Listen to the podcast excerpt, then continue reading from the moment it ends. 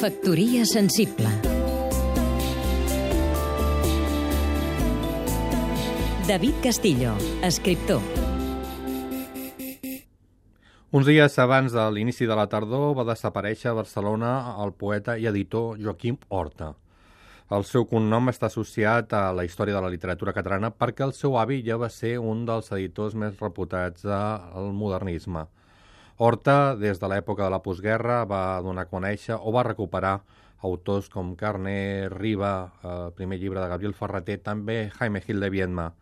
Ha desaparegut eh, pràcticament en l'anonimat. Només un diari de Barcelona doncs, va fer l'obituari, cosa que demostra una mica l'estat de la nostra cultura, on la gent que es va arriscar, que va estar a la presó, doncs eh, en el moment fins i tot de la seva desaparició queden en l'anonimat absolut. No sé si és bo o és dolent, però en qualsevol cas les coses són així. El seu últim llibre va ser una antologia poètica, li van publicar amb una petita edició a Vic, amb un eh, pròleg i introducció del Felip Puig.